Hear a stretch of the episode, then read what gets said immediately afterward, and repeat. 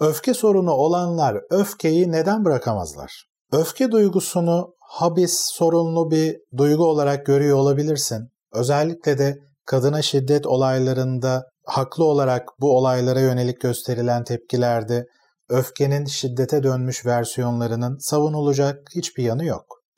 Yine de genel olarak baktığımızda öfke duygusu gerçekten tamamen sorunlu ve kötü bir duygu mudur peki? Açıkçası burada kişisel bir paylaşım yapayım. Hem mizaç özelliklerimden dolayı hem de özellikle mesleğimin ilk dönemlerinde oradan gelen bir alışkanlıkla daha çok karşı tarafa empati kurmak, onu anlamaya çalışmak, hoşgörülü davranmak gibi belli alışkanlıklarla birlikte aslında kendi duygularımda özellikle öfke duygumu kenarda tuttuğumu mesela fark etmiştim. Ve aslında oradaki amacım bir şekilde karşı tarafa iyi olmak, memnun etmeye çalışmak ve kendimi ihmal etsem bile, kendi ihtiyaçlarımı kenarda tutsam bile öncelikle karşı tarafa memnun edecek şekilde yaklaşmam gerektiğini, bunun aslında daha iyi bir şey olduğunu, iyi insan olmanın bir gerekliliği olduğunu düşünürdüm. Ancak tabii ki böyle olunca kendi değerlerimle, kendi ihtiyaçlarımla yeterince tatmin edici şekilde bağ kurmamış oluyordum. Ve tüm bir süreçler içinde bir şekilde belli noktaları fark edip aslında öfke duygumla daha sağlıklı bir şekilde temas kurmaya başlayınca kendi değerlerimle daha bütünlüklü şekilde yaşayıp aslında yaşam kalitemin daha da arttığını fark etmiştim. Eğer sen de kendi öfke duygunla temas kurmakta zorlanıyorsan, bunu bastırıyorsan ya da madalyonun diğer yüzü fazla tepkili şekilde ortaya koyuyorsan bugün anlatacağım noktalar ilgini çekebilir. Bu videoda öfkenin arkasındaki 5 tane pozitif özellik nedir? Bunları ele alacağım. Bunun ne gibi faydası olacak sana? Eğer ki öfke duygunla temas kurmakta zorlanıyorsan, bu öfke duygusuna bakış açında belli negatif noktalar varsa meseleye daha farklı açılardan bakmanı sağlayabilir. Aynı zamanda öfke sorunu olup bu soruna yine de devam eden kişiler neden böyle yapıyorlar? Hani hangi noktalarda besleniyorlar?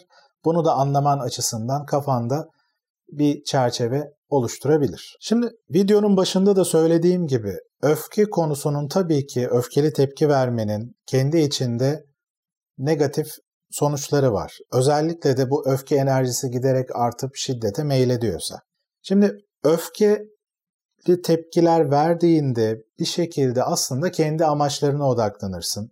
Karşı tarafın ne hissettiği, ne düşündüğü, neye ihtiyaç duyduğunu o an görmezsin. Hedefine odaklanırsın ve hedefin doğrultusunda seni bu hedefe ulaştıracak ne yol varsa bunu yaparsın. Ve böyle hareket ettiğin için, karşı tarafa empati göstermediğin için aslında aradaki ilişkiyi de zedeleyecek belli sonuçlara götürür bu.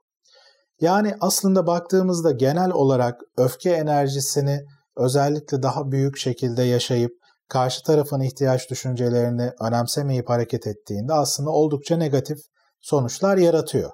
Ama niye peki öfke sorunu olan kişiler aslında günün sonunda dönüp baktıklarında evet bende öfke sorunu var, kontrol edemiyorum, kırıyorum karşı tarafı.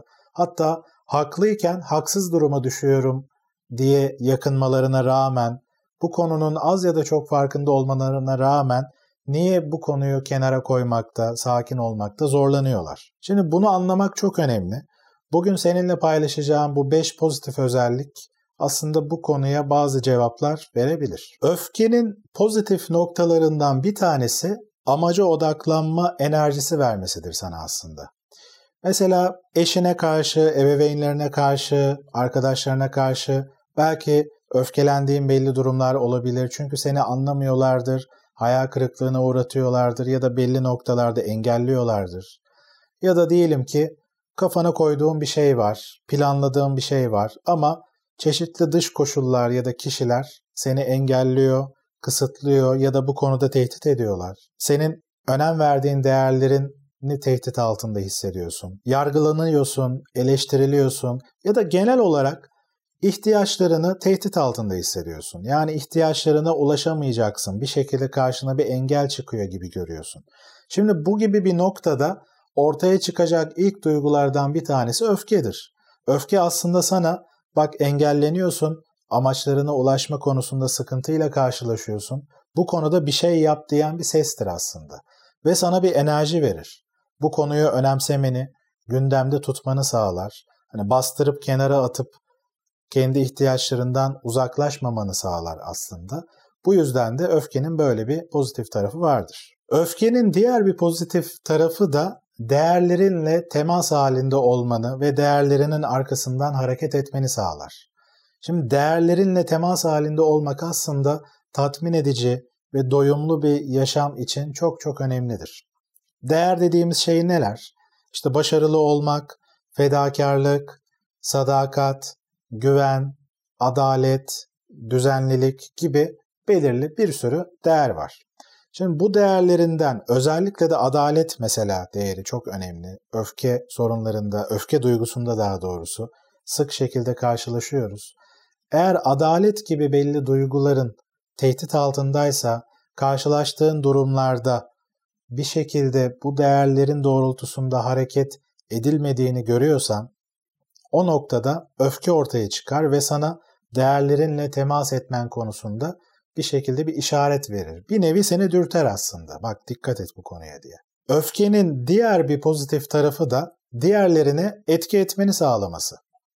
Sesini yükselttikçe, tonu biraz daha yükselttikçe, artırdıkça bir şekilde evet daha yukarıdan bakıp belki karşı tarafı sindirmeye çalıştıkça aslında bazen bunun işe yaradığını görüyor olabilirsin. Özellikle bazı kişilik tiplerinde eğer ki başka türlü hareket edemeyeceğini hissediyorsan, hani iletişim anlamında da yeterince etkili kendini ortaya koyamadığını düşünüyorsan, sesini yükseltmek, daha sert tepki göstermek karşı tarafa bazı kişilik tiplerini gerçekten sindirebiliyor karşındaki kişileri. Ve o zaman ne oluyor tabii ki bu öfkeli tepkiyi gösterdiğinde aslında tüm o kısır tartışmaların, gerginliklerin, seni bunaltan o stres faktörünün aslında o anda ortadan kalktığını hissediyorsun.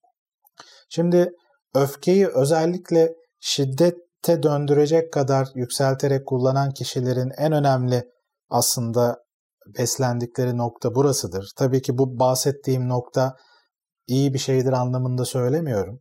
Ama kendi içinde bir amaca hizmet eder ve bu amacın kendisi nedeniyle de bu bir pekiştireç haline gelir. Şimdi bu noktada aslında olması gereken tabii ki bu öfke enerjisinin gücünü, enerjisini fark edip daha uygun şekilde kendini ortaya koymak ama belki kararlı şekilde gerçekten arkasında durarak ihtiyaçlarını. Dolayısıyla dediğim gibi öfkenin önemli bir faydası da diğerlerine kararlılıkla daha etkili şekilde belki o anda hani pes etmeyen şekilde yaklaşmanı sağlar.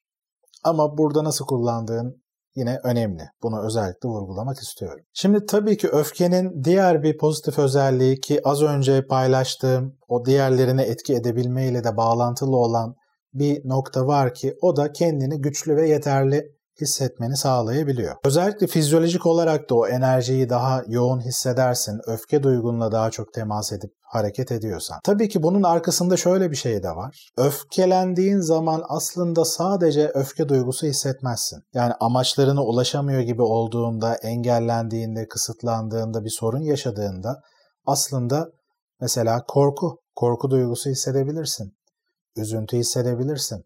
Alttan alta hayal kırıklığı, utanç, suçluluk, pişmanlık gibi duygular da gelebilir. Tabi bu duygular öfkeyi hissetmeye izin vermek kadar kolay olmayabilir taşıması. Çünkü seni kırılgan hissettirir. O an güçsüzmüşsün gibi zannedersin ki aslında bu duygularla temas etmek tam tersi güçlü olduğunu gösterir. Ama içten içe bu duygularla da çok temas etmiyorsan, alttan alta özgüvenle alakalı belli sorunlar yaşıyorsan o anda öfke enerjisine sırtını dayaman seni daha güçlü, daha kontrol sahibi hissettirebilir. Ve tabii ki öfke enerjisinde pozitif olan bugün seninle paylaşacağım son nokta öfkenin, öfkeli tepkinin bir rahatlama enerjisi vermesidir. Diğer duygularda olduğu gibi öfkede de özellikle bir enerji üretimi olur ve bu enerjinin bir şekilde boşalması, yani ifade yoluyla boşalması aslında rahatlatıcı bir etkiye de o an sahip olabilir gerçekten. Hani bazı kişiler vardır ya o duygu dalgalanmalarını çok hızlı yaşayabilir. Saman alevi gibi yükselip alçalır. O an o öfkesini dışarıya kusması, ifade etmesi fizyolojik olarak da aslında bir rahatlama getirir. Ve o rahatlamayla birlikte aslında o sakinlik enerjisiyle daha sonra daha sağlıklı şekilde düşünüp karşı tarafa da empati kurmaya başlar ve o zaman da aslında hatta ya kusura bakma hani sert tepki gösterdim gibi pişmanlık duyabilir. Özetle buraya kadar anlattığım noktalarda gördüğün gibi öfkenin, öfkeli tepki vermenin aslında kendi içinde belli pozitif özellikleri var. Öfke hem bir işaret hem de bir araç senin ihtiyaçlarına ulaşman konusunda. Ama tabii ki bu öfke enerjisini nasıl kullandığın konusu çok çok önemli. Hani mesela bir bıçağı düşün. Bir bıçak senin beslenmeni, yemek hazırlamanı sağlayabilir ama aynı zamanda bir insana zarar vermeni de sağlayabilir. Öfke de biraz böyle bir şey. Yani buna ne iyi ne de kötü diyebiliriz. İyi kötü yargısıyla yaklaşmak pek doğru değil burada. Öfke enerjisinin aslında özündeki noktayla temas edip daha sonra nasıl eyleme döktüğün aslında burada önemli. O eyleme döktüğün nokta o sonuçlardan sonra iyi ya da kötü şeklinde duruma göre yargılama olabilir. Ama özellikle öfkeyle alakalı diğer tüm duygularınla olduğu gibi eğer duygularınla temas kurabiliyorsan, duygunun sana verdiği işaretleri fark ediyorsan o noktada aslında kendini daha etkili şekilde ortaya da koyarsın, ihtiyaçlarının arkasında da durursun ve yaşam kaliteni de aslında artırmış olursun. Dolayısıyla bugün seninle paylaştığım bu öfkenin 5 pozitif özelliğini bu açıdan değerlendirmeni öneririm. Tabii ki bugün anlattığım konuların her biri ayrı başlıklar halinde uzun uzun daha da detaylandırılabilir. Yani dolayısıyla bugün beni dinlediğinde belki aklında belli soru işaretleri oluşabilir. Daha da detaylandırmam gereken noktalar olabilir. Eğer bu konu ilgini çekiyorsa, daha çok şey anlatmamı istersen aşağıdaki yorumlar bölümüne yazabilirsin. Bu konuyla alakalı düşüncelerini, sorularını, görüşlerini yine aşağıdaki yorumlara yazarsan sevinirim. Eğer kanalıma abone olmadıysan abone olmayı, beğendiğin ya da beğenmediğin videoları işaretlemeyi unutma. Tekrar görüşmek üzere.